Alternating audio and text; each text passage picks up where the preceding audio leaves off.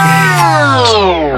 вы слухаеце эфир жыве Беларусь уначы на беларускай хвале рады унет у студыі по-ранейшаму роман жданович і Анастасія кравашеева і зараз мы вітаем у нашай студыі нашу гостю гэта кіраўніца фонду краіны для жыцця Марыя мороз добрый вечер Марыя добрый вечер фонд краіны для жыцця з'яўля з'явіўся ў кастрычніку двадцатого году калі я не памыляюся вось за такі няпоўны год арганізавалі прадстаўніцтва ў некаторых краінах а таксама дапамагалі сем'ям палідзняволеным зняволеным і палідзняволеным скажитеце калі ласка вось ці цяжка весці такую працу на ваш погляд Э, Ну, вообще благотворительная деятельность, она, в принципе, э, кропотливый труд, да, и мы никогда этим не занимались, и для нас это был новый опыт. Мы начинали, мы учились каждый, с каждым днем, с каждым месяцем мы все больше и больше понимали, как это все устроено, как это все работает, как больше можно помочь, да, и поэтому, ну, конечно, не скажу, что это прям такое легкое дело, но сейчас у нас уже слаженная команда, у нас уже открылся филиал начал, э, в начало у нас сам главный основной фонд открылся в Вильнюсе, в Литве. Сейчас открылся филиал в Польше, в Варшаве. И э, часть команды работает там, часть работает здесь. И мы как бы расширили немножко свою деятельность сначала наша деятельность фонда была э, направлена на поддержку активистов э, в Беларуси. Потом в связи с ситуацией, которая происходила, мы увидели, что нам нужно переключиться на помощь политзаключенным, семьям политзаключенных. И сейчас, в принципе, это основная, основная наша задача, это поддерживать ежемесячно э, семьи, в которых есть детки, в которых родитель или оба родителя, один родитель находится в заключении, и нам нужно помогать э, вот этим вот семьям, у которых детки остались без кормильца. И это наша вот на сегодняшний день основная задача. Вы все кажете, что наша задача, а распозитесь трошки больше про команду фонда. Кто гэтыя люди, кто дапамагае, э, колькі чалавек складае касцяк, ці ёсць нейкі падзел, напрыклад, ёсць можа нейкія псіхологі, якія дапамагаюць, можа ёсць юрысты, які у вас падзел, якія аддзелы і хто чым займаецца і што гэта за команда? Э, команда – это все наши активисты, которые начинали э, с мая месяца сбор подписей в 2020 году. В мае месяце мы все пришли, э, были членами инициативной группы. Кто-то был членом инициативной группы Светланы Тихановской, кто-то Валерия Цепкала, кто-то Виктора Бабарика. И команда слаживается сейчас с этих людей, которые, с которыми мы познакомились вот в процессе, и с некоторыми были вообще не знакомы, но вот когда мы выехали сюда, на территорию Литвы, и люди начали выезжать, и мы понимали, что надо создавать фонд, что нужно э, вот такую помощь организовывать, и так по чуть-чуть, по чуть-чуть наша команда слажилась как раз-таки из этих людей, которые и были активистами, и продолжают вот сейчас, на сегодняшний день, свою активность. Але а... это 100 человек, это Нет, тысяча это... человек, может, это 10 тысяч человек? Это 12 человек. Наша команда – это 12 человек человек. У вас э, есть отдел у Литве, есть отдел у Польши, и вас усяго 12 человек. Да, да. да. А, а навошта тады было падзяляць, а не ўсім разам аб'яднацца ў адным месцы і разам працаваць, то што калі адна справа працуе 12 чалавек, а зусім іншыя 6, гэта ж все ж таки гэта, гэта наколькі лагічны такі падзел. Э, это вынужденная мера была, потому что мы работали все в Вильнюсе, и все, вся эта команда, все 12 человек находились в Вильнюсе, и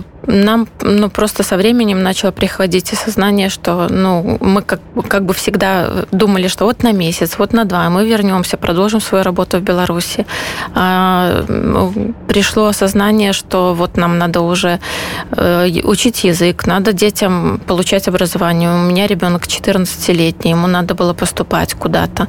Э, другие ребята, есть молодые ребята, которые тоже задумывались, пошли по программе Калиновского, подались.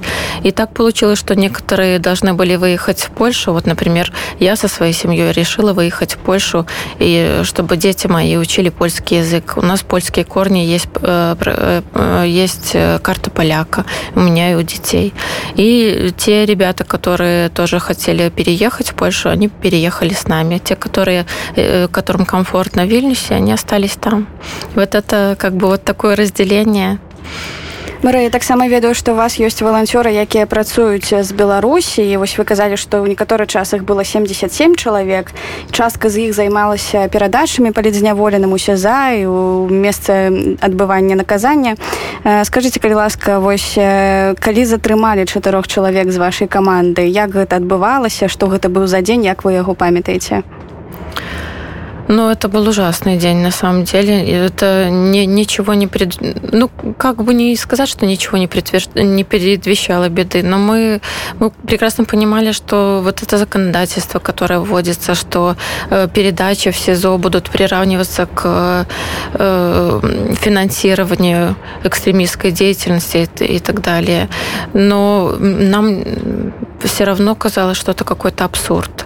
И было устроено все так, что люди, волонтеры собирали продукты, не финансы, а собирали продукты с людей в разных городах, формировали. То есть все продукты, э, как вы понимаете, если, вы, э, если вам передают, например, конфеты, то каждую конфетку, чтобы передать в СИЗО, ее надо развернуть. Если сигареты, то значит сигареты надо выложить, э, вытащить с пачки и переформировать просто в целлофановый пакет. Также чай, кофе и все продукты, которые можно передавать в СИЗО.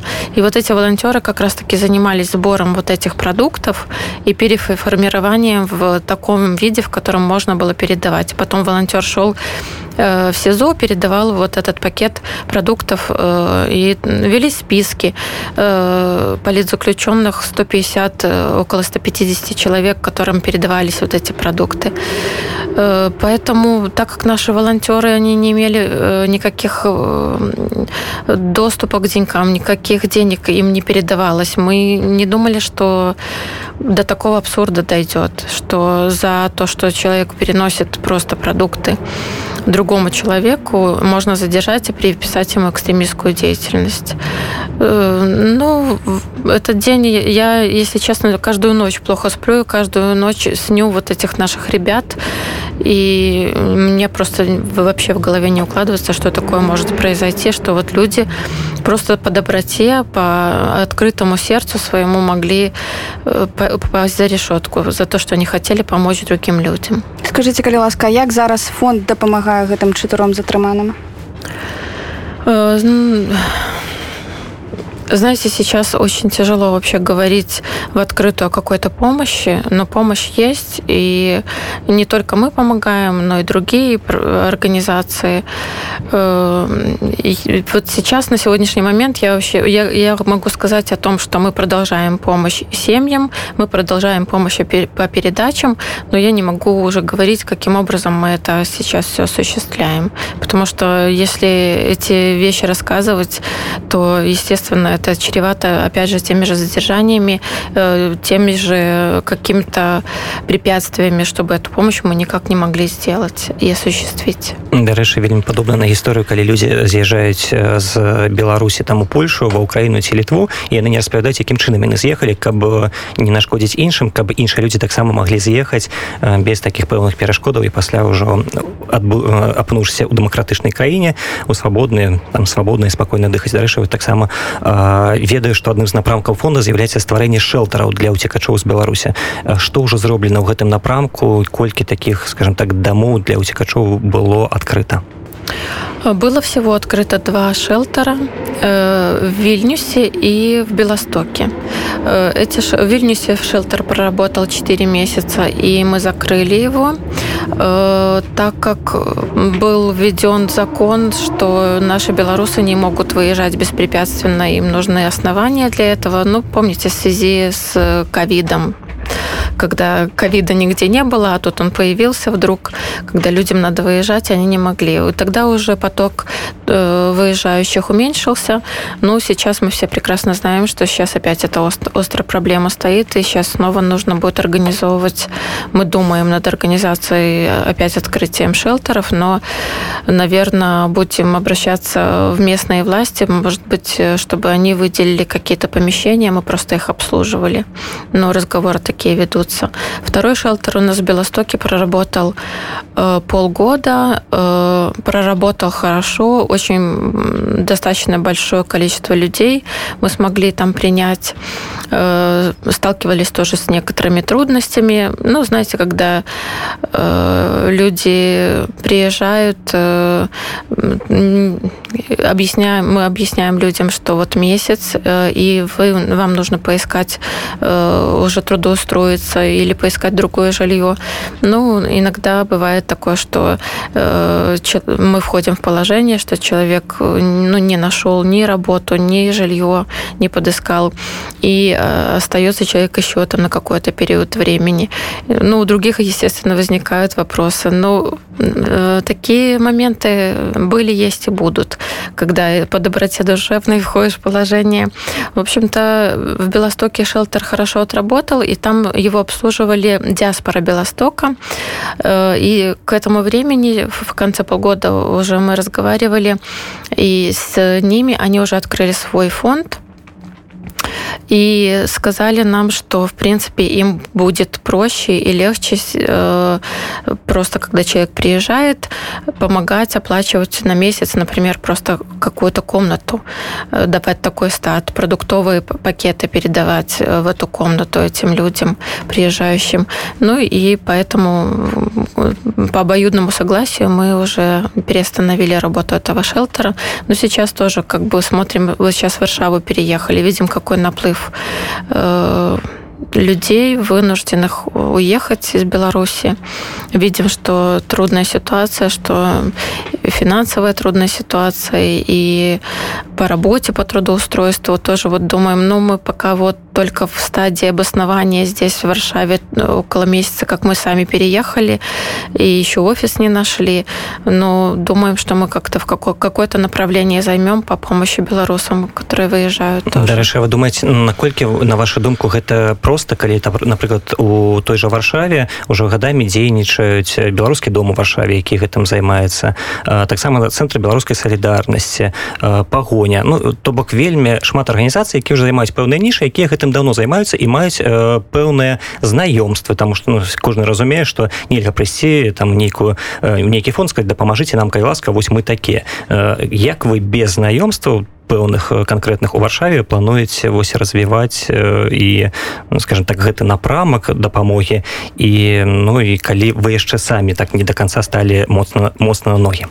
да вот поэтому мы не спешим потому что я сейчас встречаюсь ежедневно с представителями различных организаций общаюсь и нужно понять э, чего нету что нам делать что э, чем нам наша организация здесь начать какое направление помощи чтобы не дублировать какую-то организацию организацию.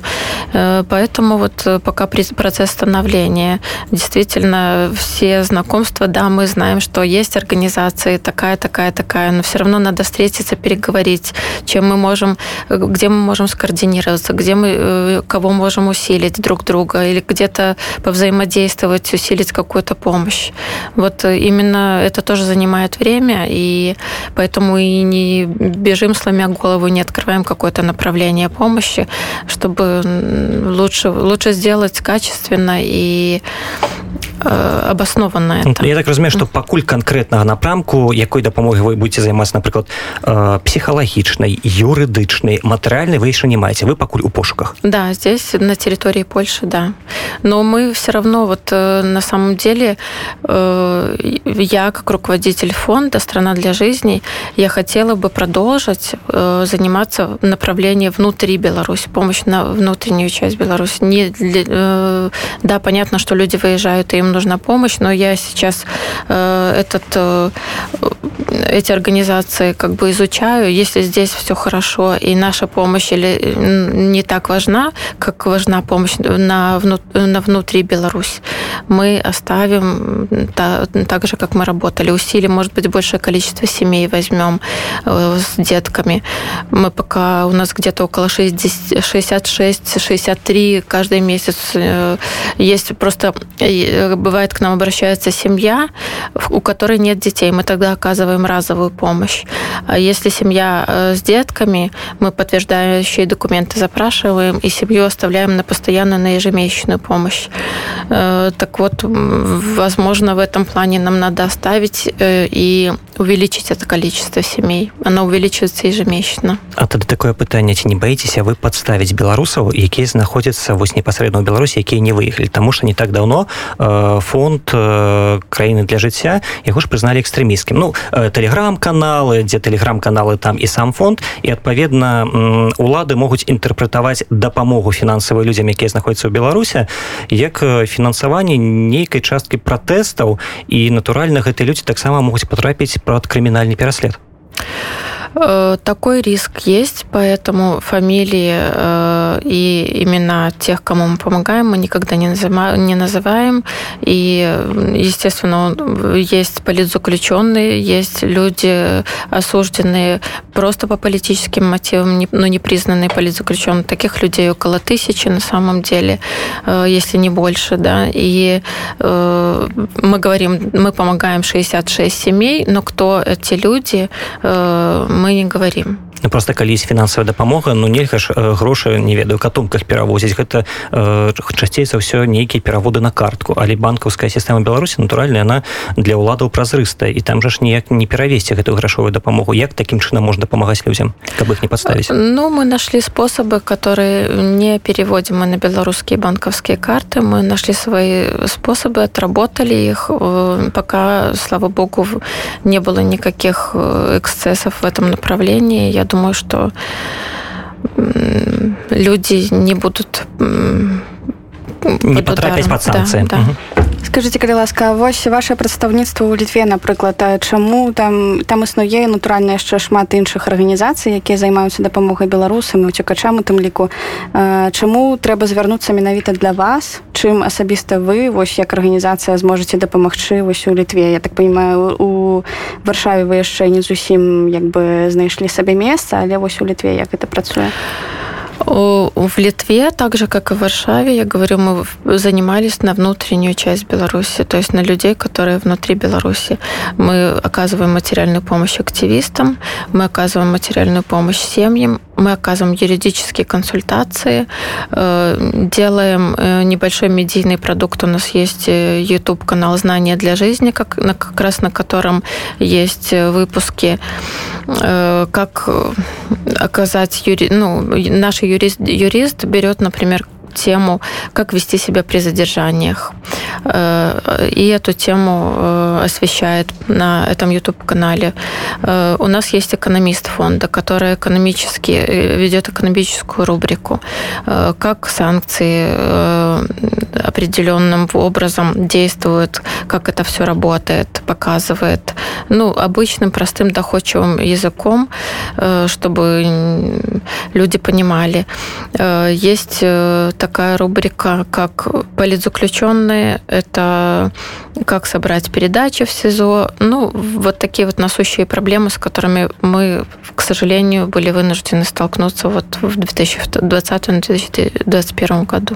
Магчыма, прыгадаеце нейкі вось выпадак, калі вы дапамаглі нейкай сям'і апошнім часам, што гэта была за гісторыя? Очень много историй. Э, и какой-то определенный случай. Но я могу рассказать, наверное, про Я не знаю, я даже очень, даже если честно, боюсь рассказывать какие-то истории. Почему мы не публикуем истории людей, почему не, не, не просим людей рассказывать, э, как, что вот именно этот фонд и помогает ежемесячно, потому что это все очень опасно. Я говорю, что мы работаем на, на ту часть, которая внутри Беларуси, на тех людей, которые находятся там, и по любой истории, которую сейчас могу рассказать, можно вычислить, что это это за человек. И поэтому рассказывать такие истории я сама не могу и не могу просить людей, чтобы они рассказывали, что мы им помогаем. Но я всегда говорю, что придет тот момент, э, я очень надеюсь, что он будет скоро, когда мы вот э, сможем опубликовать списки тех семей, которым мы помогли. И э, на сегодняшний день все, что мы можем, это мы вот готовим счетчик такой на сайте, когда, на котором мы э, публиковать собираемся, сколько нам пришло денег и сколько, какое количество э, людей получило помощь вот по 300 евро, которые мы выплачиваем. Дарэчы вось фонд жа дапамагае не толькі фінансава чытаў на вашай старонцы што фонд дапамагае з афармленнем дакументам і выбарам вайну для беларускіх уцікачоў так разумею для студэнтаў якія выязджаюць за мяжу. А хто гэтым займаецца? Гэта нейкі юрыст дапамагаеце можа не ведаю нейкія педагогі былыя якія могуць накіраваць чалавека. Як гэта выглядае гэтая дапамога? По праграме каліновского у нас есть то есть вы пасярэднікі? Да, на... да. Ну, то есть есть программа каліновского это для студентов э, белорусских которые либо не закончили университет их отчислили либо другие какие-то причины и они могут обратиться к нам в фонд наша сотрудница сотрудница будет на связи будет помогать заполнять формы анкету для поступления программы Калиновска будет объяснять, какие документы нужно собрать, где их взять, как их запросить.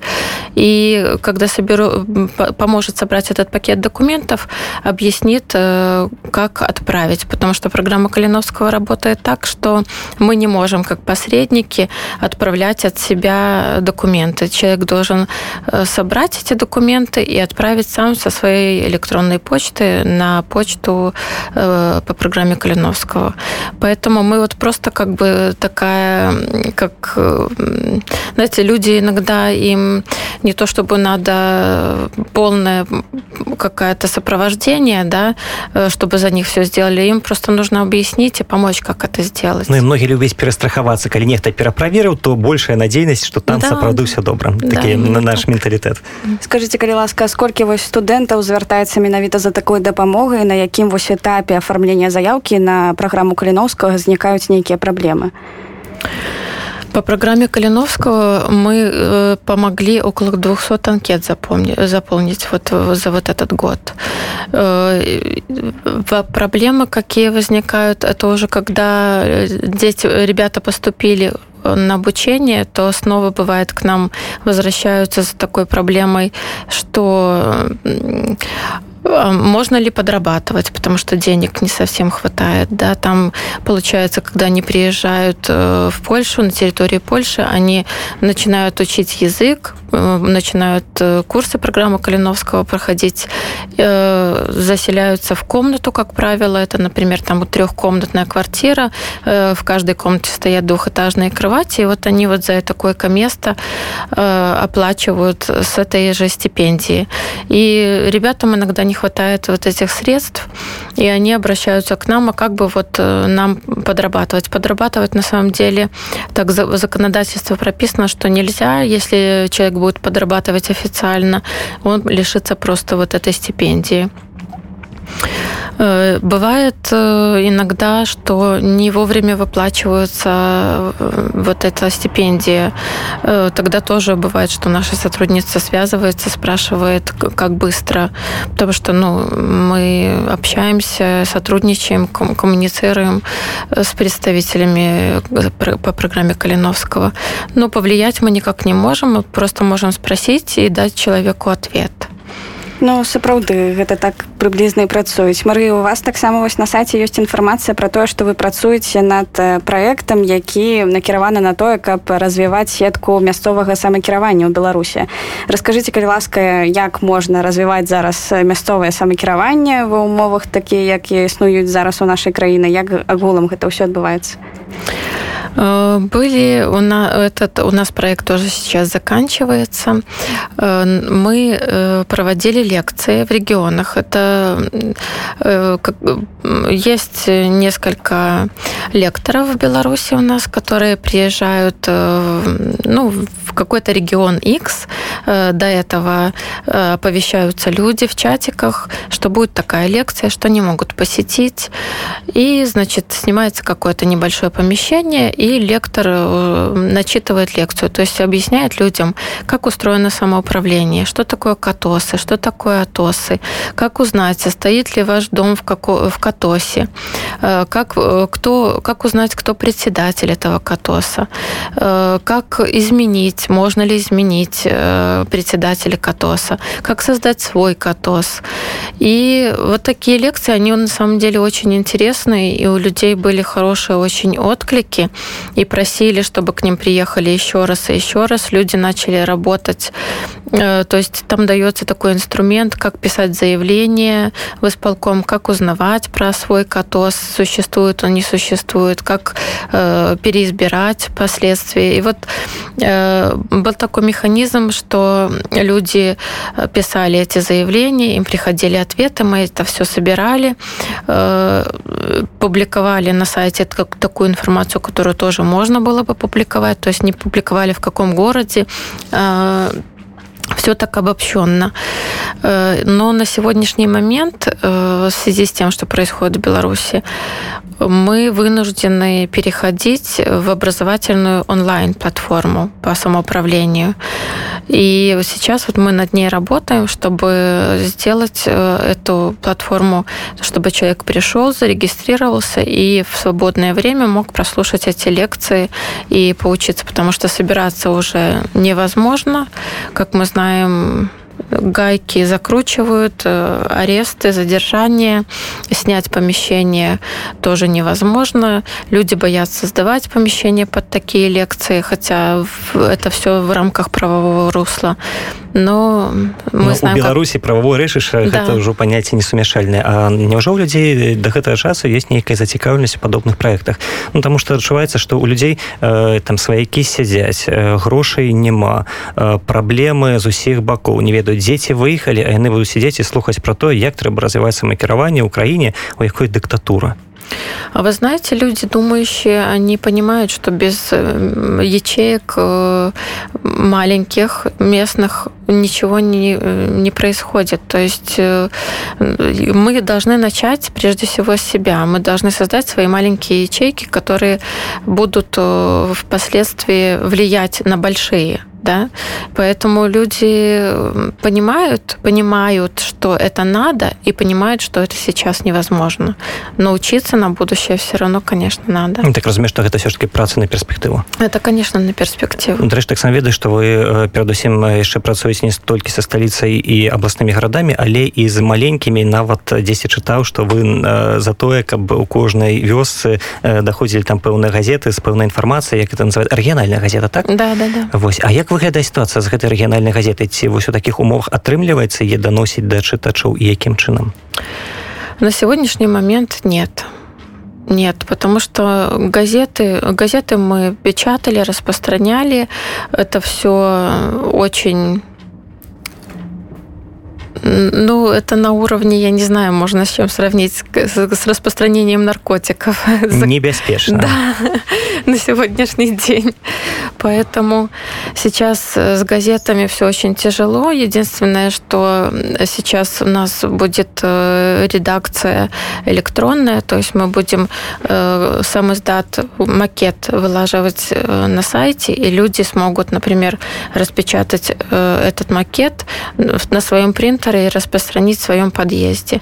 Э, только вот в таком варианте сейчас может это продолжать работать. распавядзіце ці дапамагае нейкім чынам Святлана ціхановская э, фонду паколькі ўсё ж таки актывіст з э, вашай арганізацыі фактычна і дапамаглі спадарні святані сабраць гэтых 100 тысяч неабходных для рэгістрацыі у кандыдату прэзідэнта як цяпер выглядае гэтая супраца ціхановская фонд Светлана Тихановская всегда интересуется. Она как член попечительского совета участвует в принятии некоторых решений.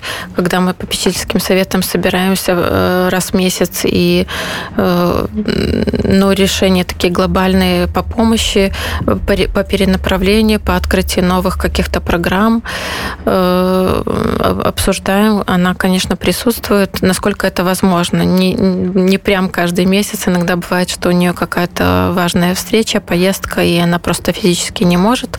Но мы с ней созваниваемся, она постоянно спрашивает про нашу работу, она видит нашу работу, она нас благодарит за нашу работу, поддерживает нас. У нас у всех иногда периодически опускаются руки, и нам эта поддержка друг другу очень важна. Э, я в Нью-Йорке, Светлана Тихановская вышла в майке «Страна для жизни» э, к э, диаспоре. И для нас это тоже был такой как знак поддержки.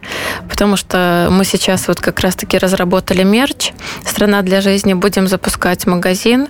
Э, все вот эти вещи, майки, байки, кепки, маски с логотипом «Страна для жизни» будут продаваться на весь мир, кроме Беларуси, естественно. И все, вся прибыль с этой продажи пойдет на помощь э, семьям политических заключенных. И то, что Светлана вот эту майку одела, это вот как раз-таки ну, для нас это и реклама, и поддержка. Это и очень, ну, очень важно Марыя, скажите калі ласка вось акром Святлана ціхановская якая частка каманды якая распачынала ўвесь гэты напрамак якая частка засталася зараз вось старых актывістаў волонцёраў у нас очень много активистов выехало очень много активистов находятся за решеткой эм, кто-то отошел от дел, как говорится, начал заниматься своей жизнью, да, особенно когда люди выезжают, они сталкиваются с такой проблемой, что им надо за что-то существовать, э, арендовать жилье, если в Беларуси оно было свое, а за границей, когда выезжаешь, это, естественно, это арендная плата, она здесь совершенно не маленькая, э, по белорусским меркам тем более. Поэтому люди занимаются, ну, устраиваются, трудоустраиваются на работу. Ну и многие э, активисты в другие направления, например, у нас есть активисты, активисты, которые задействованы в рабочем рухе, вот в этом движении. Есть активисты, которые с нами продолжают работать. Есть некоторые ребята, которые открыли какие-то свои проекты, YouTube-каналы. Но очень много людей, которые не, все равно не опускают руки и продолжают э, работать в этом направлении. Дарэч, так сам я вот хотел мне просто наболел я э, калі вывучаў э, старонку э, фонда мне зацікала такое пытанне А чаму старонка толькі на двух мовах на рускай і на ангельскай Таму что ці не адчуваеце вы патрэбу ў тым каб беларусы не веду беларускамоўныя гэтым цікавіліся там заходзілі чыталі Таму что ну я разумею что по-руску добра большасць насельніцтва для іх гэта зручная мова ангельская ну не ведаю колькі беларусаў чытае на ангельскай гэта я так разумею нават не на беларусаў накіравана хутчэй на э, тых хто мог бы дапамагчы з-за мяжы на замежнікаў ну хаця э, французы якія не валодаюць альбо немцы ангельскай мовы ім таксама даволі складана дзе беларуская чаму няма мы планируем сейчас и на беларускую страницу создать страницу перевода белорусской мовы и планируем польскую мову также добавить перевод но это все э, ресурсы это все деньги, чтобы нам перевести э, сайт э, на белорусскую мову или на польскую мову, это довольно-таки большие вложения. Поэтому, когда... Але мне здаецца, што калі нават э, кінуць кліч, то э, десяткі э, беларускіх праграмістаў э, разам з беларускімі перакладчыкамі я думаю цягам некалькіх дзён дапамогуць і гэта просто ведаючы что такое беларуская солідарнасць па-за межамі беларуся такія справы вырашаюцца даволі хутка мы уже пробовали были несколько волонтеров которые начали переводить перевели какую-то часть и на этом работа остановилась некие неотказные у вас волонтеры вы видать да, я вот хочу обратиться что ребят если вас можете, есть магчымасць так. Да если можете нам помочь мы будем очень рады. И на польскую мову нам надо перевести на белорусскую мову. Если есть кто-то напишите нам в чат в чат-бот или есть на сайте мои контакты и литовский и польский мой телефон.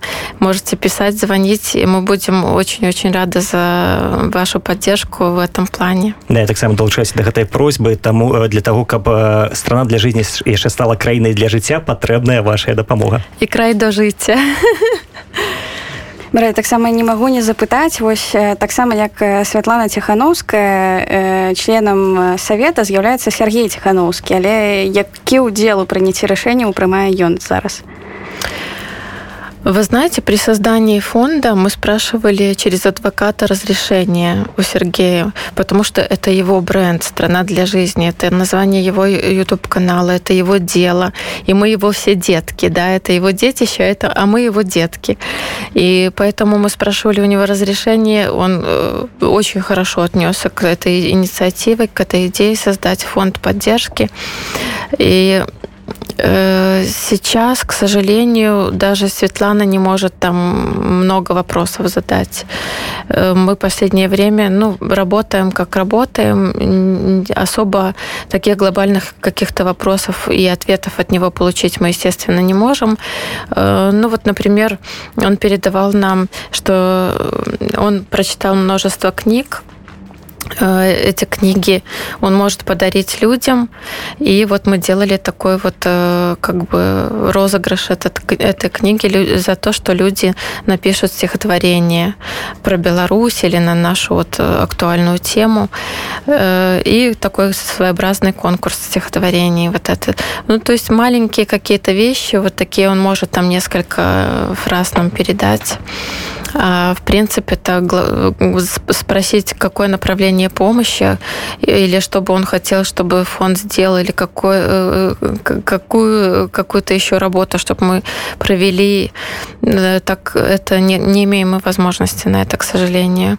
Но Сергей Тихановский, это его дело, поэтому он должен быть в этом попечительском совете. Это его, в принципе, фонд. Вось у нас застаецца літаральна некалькі хвілін хацеў бы яшчэ задаць такое пытанне ведаю што фонд таксама выступіў з арганізатарам фестывалю абуджаны які пройдзе ўжо на наступным тыдні наступных выходных у польскім грудку раней ж там адбывалася басовішча так разумею гэта да. правапрыемнік менавіта басовішча і тут ведаеце узнікае такое пытанне наколькі з маральнага пункту гледжання адэкватна праводзіць такое мерапрыемства калі у Польшы калі ў беларусі гэты момант э, сядзяць э, десяткі сотні і тысячи людзей по артыкулах просто э, крымінальных артыкулах але пры гэтым не за што і ці не ўзнікае нейкага такога маральнага дысанансу. Тут адны будуць спяваць а іншыя ў гэты час будуць сядзець.